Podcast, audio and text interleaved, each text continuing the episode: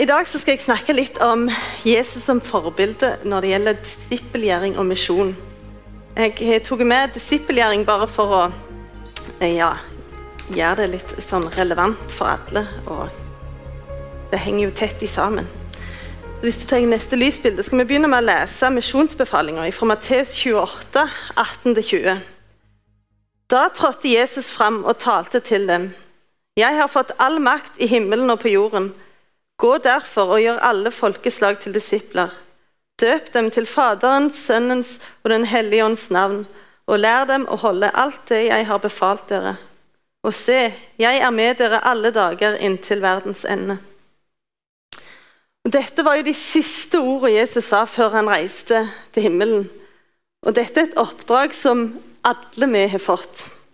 Eh, og så er det en befaling. Det er ikke en anbefaling. Eh, det gjelder alle uansett.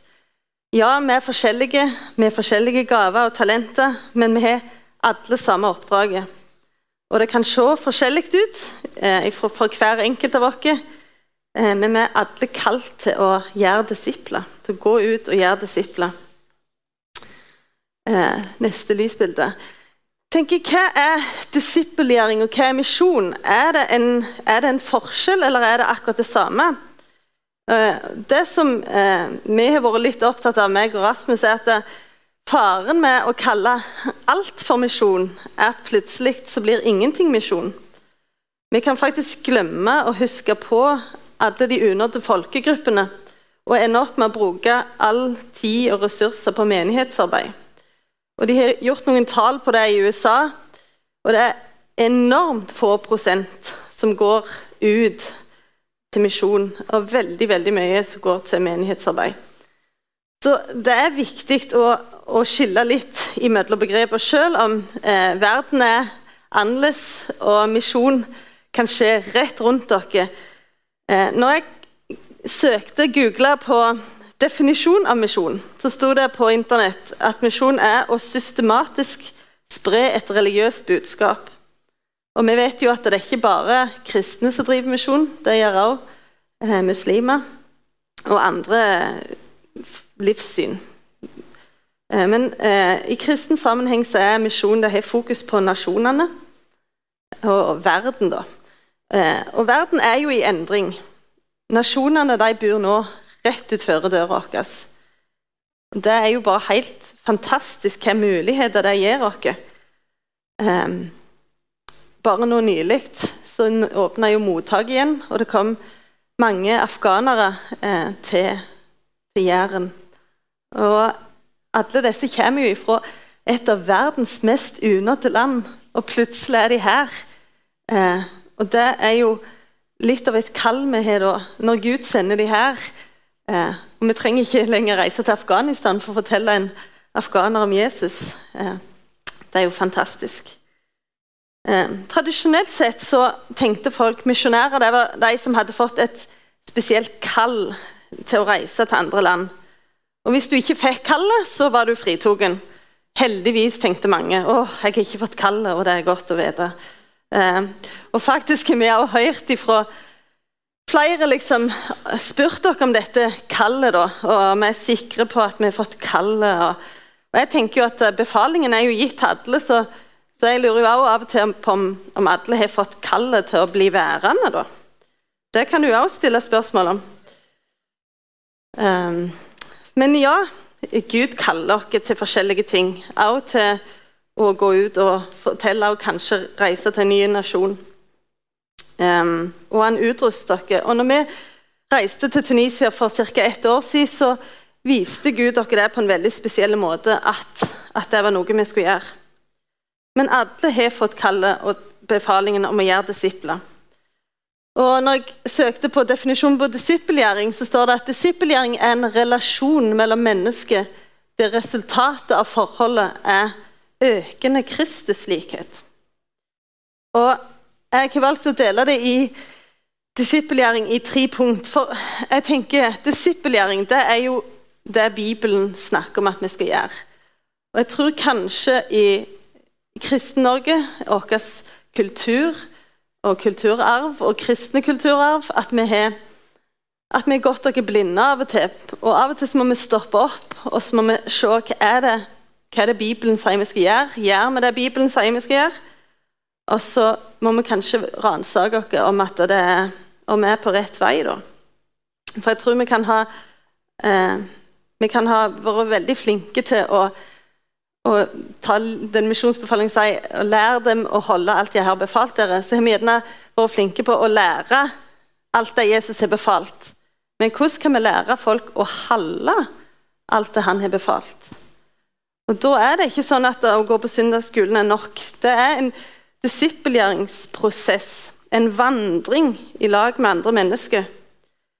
Og nummer én vi må dele ordet. Det står i Bibelen at hvordan kan de tro på noe de ikke har hørt om?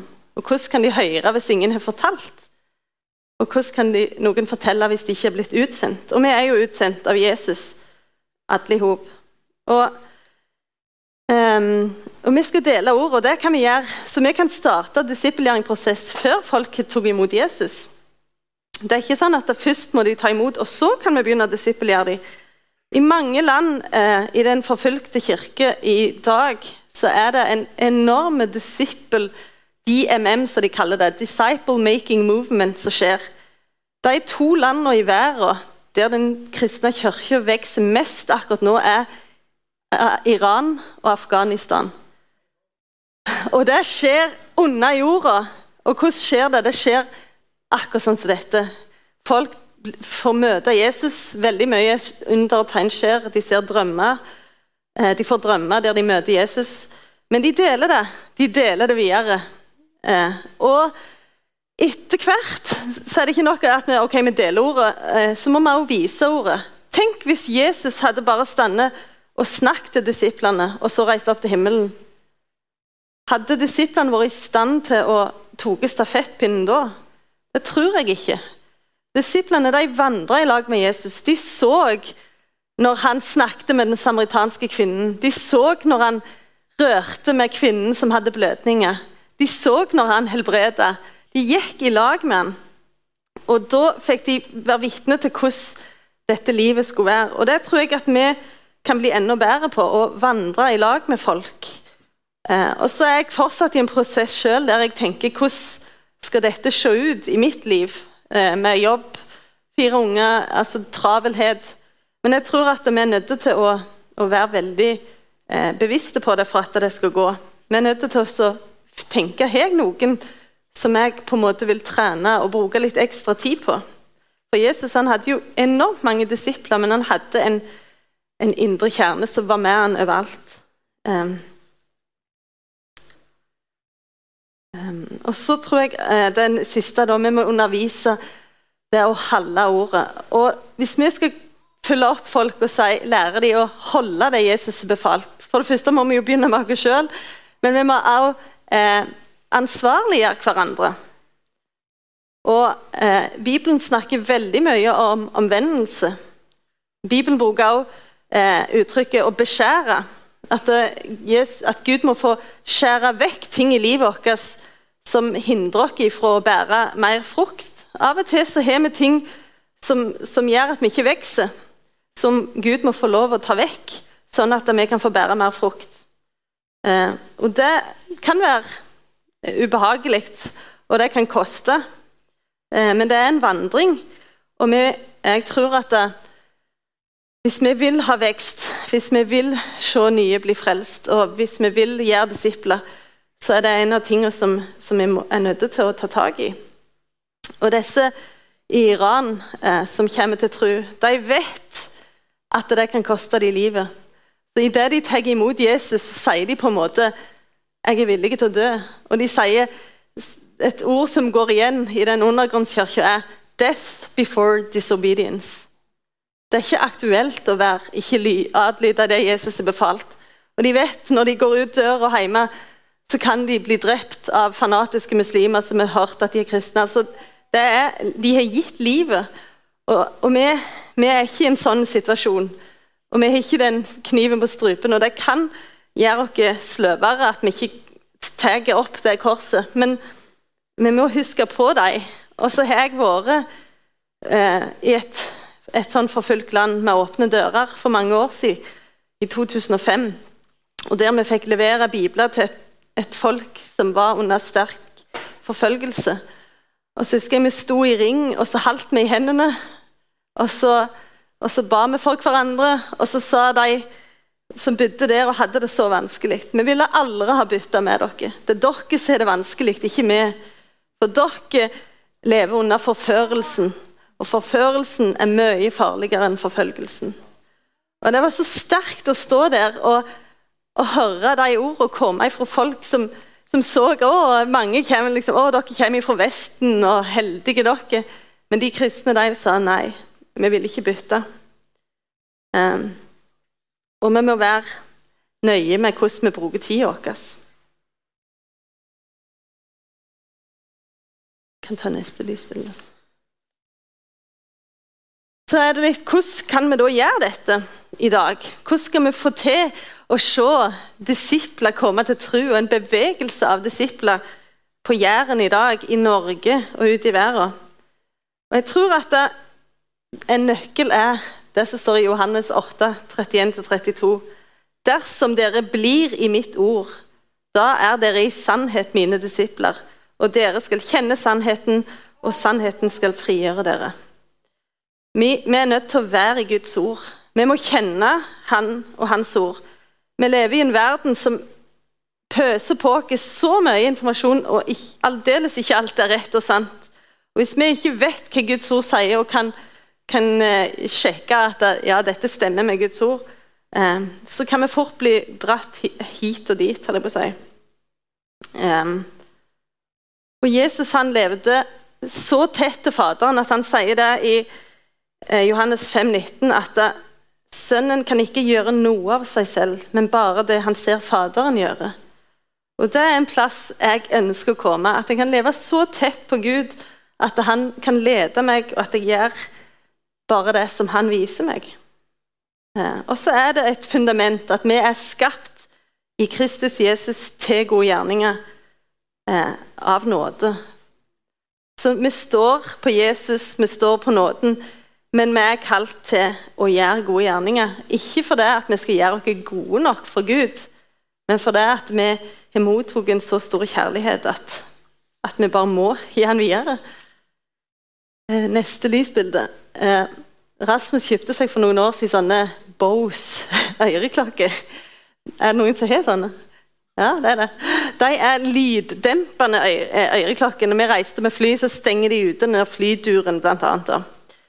Og jeg tror at det vi kan gjøre det, Sånne funker sånn at eh, Skal vi se De har en liten mikrofon jeg må lese her så jeg ikke sier feil. Ja. De har lagd sånn at de stenger ute lyden, støyen du ikke vil høre, med at det er en mikrofon på hver side. Og Disse mikrofonene fanger opp lyden som er rundt deg, og så skaper de en motbølge, sånn som du ser der på bildet. Og det er en, counter noise, som det heter på engelsk. Motsatt lydbølge. Og jeg tror at Litt samme effekt kan Guds ord ha for oss. At det, eh, det er så mye støy utenifra som sier så mye, og du kan være så oppslukt av alt det som er rundt deg. Men hvis vi følger oss med Guds ord, så kan den fungere som den der motbølga. Så når vi takker på oss Guds ord i plassen for Det er ikke sånn at det, disse her øreklokkene gjør at den, lyden rundt forsvinner. Lyden er der. Men han, han fanger den opp, og sender han en lydbølge, og så hører du den ikke. Så hvis vi følger oss med Guds ord, så kan vi eh, i plassen for å høre eh, 'du er ikke god nok', eller 'dette fikser du ikke', eller eh, 'det er ikke så farlig', eller hva som helst, så kan Guds sannhet komme og være i motbølge, så, så taler sannheten inn i oss. For Jesus han sier 'Jeg ber deg ikke ber ikke om at du skal ta dem ut av verden, men at du skal bevare dem fra det onde. De er ikke av verden, like som jeg ikke er av verden ikke er av verden. Hellige dem i sannheten. Ditt ord er sannhet. Guds ord er sannhet, og vi er i verden. Og eh, vi skal ikke gå ut av verden, men vi må lære oss å høre Guds stemme høyere enn det vi hører verden. Så vi, jeg tror En måte vi kan på en måte forberede dere på å gjøre disipler, er å å kjenne Guds ord så godt. Og ha en hjerterytme i livet som består av daglig tid med Gud i Bibel og bønn. Ja. Og vår jobb er jo bare å være greiner på, på stammen. Å være poda inn på Han som gir, som, som gir oss frukt. Det er ikke et strev. Hvis det, er noe vi må velge sjøl, så er det å søke Guds rike først. Sånn at Han kan få virke gjennom oss. Um, neste slide. Uh, vi lever i en tid Dette er et veldig motsatt av selfish life. Hva jeg sier, Selfless, uselvisk uh, liv. For det er, og verden rundt dere sier du er i sentrum. Du må lykkes. Du har rett på dette, og du skal ha det, sånn. Og 2. Timoteus 3, 1-5 så står det men dette skal du vite, at i de siste dager skal det komme vanskelige tider. For menneskene skal da være egoistiske, glade i penger, fare med skryt, være overmodige, snakke stygt om andre, være ulydige mot foreldrene, utakknemlige, uten respekt for det hellige, ukjærlige og uforsonlige, fare med sladder, mangle selvbeherskelse, være rå, likegyldige for det gode, svikefulle, oppfarende, innbilske. De elsker lystene høyere enn Gud. I det ytre har de Guds frykt, men de fornekter dets kraft. Og På engelsk står det 'People will be lovers of self'. Og jeg tenker den der Bare eh, ti år tilbake så var det ikke sånn som det er nå, med alt eh, livet er i selfie-modus, og bloggere som lever på å bare skrive om seg sjøl og det der å elske seg sjøl. Eh, men det har skjedd et eller annet, at det selve har blitt veldig i fokus. Og Bibelen er helt motsatt. Eh, Filipperne 2,3 står det gjør ikke noe av selvhevdelse og tom ærgjerrighet, men vær ydmyke og sett de andre høyere enn dere selv. Det er helt motsatt av det verden sier. Vi skal snu kameralinsa fra selfie-modus og ut og se andre. Og så er det sånn at Når du gjør det, når du snur kameralinsa, så ser du ikke deg sjøl lenger. Og Jeg tror at vi må våge å vende blikket vekk fra oss sjøl og over på, på Gud og på andre. Og løftet, den er neste slide, ja. Løftet er knytta til befalinga, hadde jeg lyst til å ta med til slutt. Eh, når Jesus trådte fram, så sa han 'Jeg har fått all makt', og sa han 'gå derfor'. Eh, jeg tror at det er litt sånn at eh, Jeg lengter etter å se mer av Gud. Jeg lengter etter å se mer av Guds kraft. Men når setter jeg meg selv i en situasjon der jeg var helt avhengig av Guds kraft? For Hvis jeg sitter, ligger hjemme i senga og ber 'Å, Gud, jeg vil se mer av din kraft' liksom, ja, ikke så veldig mye jeg kan gjøre her eller innføre veldig trygge rammer der jeg har alt plan A, plan B, plan C, og hvis det ikke funker, så kan Gud virke. Det vi ser i Bibelen er at når, Gud, når folk var i en situasjon der de var avhengige av at Gud grep inn, så fikk de se Guds kraft. Daniel i løvehåla, vennene til Daniel i ildovnen, Peter som gikk på vannet. Eh, når vi reiste til Tunisia, så hadde ikke vi økonomien i orden eh, sikra. Vi visste ikke hvordan vi skulle få de pengene vi trengte. Og hver måned så hadde vi nok på kontoen. Fordi at vi var i en situasjon der at hvis ikke Gud forsørga og minte folk om å gi oss penger, så hadde vi faktisk ikke eh. Og det var en sånn situasjon der der du åpner nettbanken og takker Gud for Oi, Gud, det er penger i dag igjen. Og det, det skulle flere fått oppleve, for det er helt unikt å vite at ja, når du, når du går på vannet, så, så, er Jesus der. Siste slide for å knytte dette opp til Tunisia. Da, og Det passer jo godt nå når kollekten skal gå til Tunisia. Med, eh, I verden i dag så finnes det veldig mange unådde folkegrupper. Jeg klarer mest ikke å se, Det står 17 416 folkegrupper. Eh, og Veldig mange av disse eh, ser dere ligger samla der i det som kalles 1040-vinduet. Så Line Marie spurte hva var det som på en måte var drivkraften til at dere reiste. Og For ca. halvannet år, eller halv, halvårs tid før vi reiste, så fikk jeg et bilde jeg av Gud der jeg så eh, for meg at du tenner et stearinlys eh, i et lyst rom. Og det er fint. Fint med stearinlys. Men det er ikke sånn enormt eh, mye virk i det. Sant? Hvis jeg har tent et stearinlys her, så ja, det er fin dekorasjon. Men når du tar vekk alt lys, og det er helt mørkt, og da du tenner et stearinlys, da er det hele forskjellen med det stearinlyset. Og jeg kjente, meg og Rasmus kjente en sånn nød for at Jæren, Norge, ligger bada i lys. Hvordan kan vi bare lukke øynene for hele den verden som lever i mørket? Noen må gå, noen må fortelle dem. For hvordan kan de, kan de komme til tro hvis ingen, ingen reiser og forteller dem? Um, og jeg tror at, eh, at flere av dere kan stille dere spørsmålet Gud, hva er min rolle i dette? Er det å gå til en utlending i bygda? Er det å eh, sette av mer tid, rydde plass i kalenderen? Hva er det, Gud? Men jeg tror akkurat som jeg sa, lær å holde alt jeg har befalt dere. Eh, jeg tror vi må handle på det. Vi må ikke bare være ordets hørere som hører hører hører det er så lett nå med podkast og alt. Det er så vanvittig mye du kan høre på. Det er så lett å bare fylle seg opp. Men, men hvordan ser det ut? Eh, hvordan handler du på det Gud viser deg? Så det er min utfordring i dag. Be Gud vise deg hvordan kan jeg være med og gjøre disipler. Der jeg er, med de gavene jeg har. For alle er kalt til det oppdraget. Takk Gud for at, eh, at du ga oppdraget til alle. Du sender alle. og Du ikke, lar deg ikke begrense av våre feil og mangler. Eh, du kan, kan bruke hvem som helst. Og Jeg ber Herre om at du må gjøre oss villige. At vi må lære noe av våre forfulgte søsken som bare legger ned livet sitt og sier det får koste hva det vil.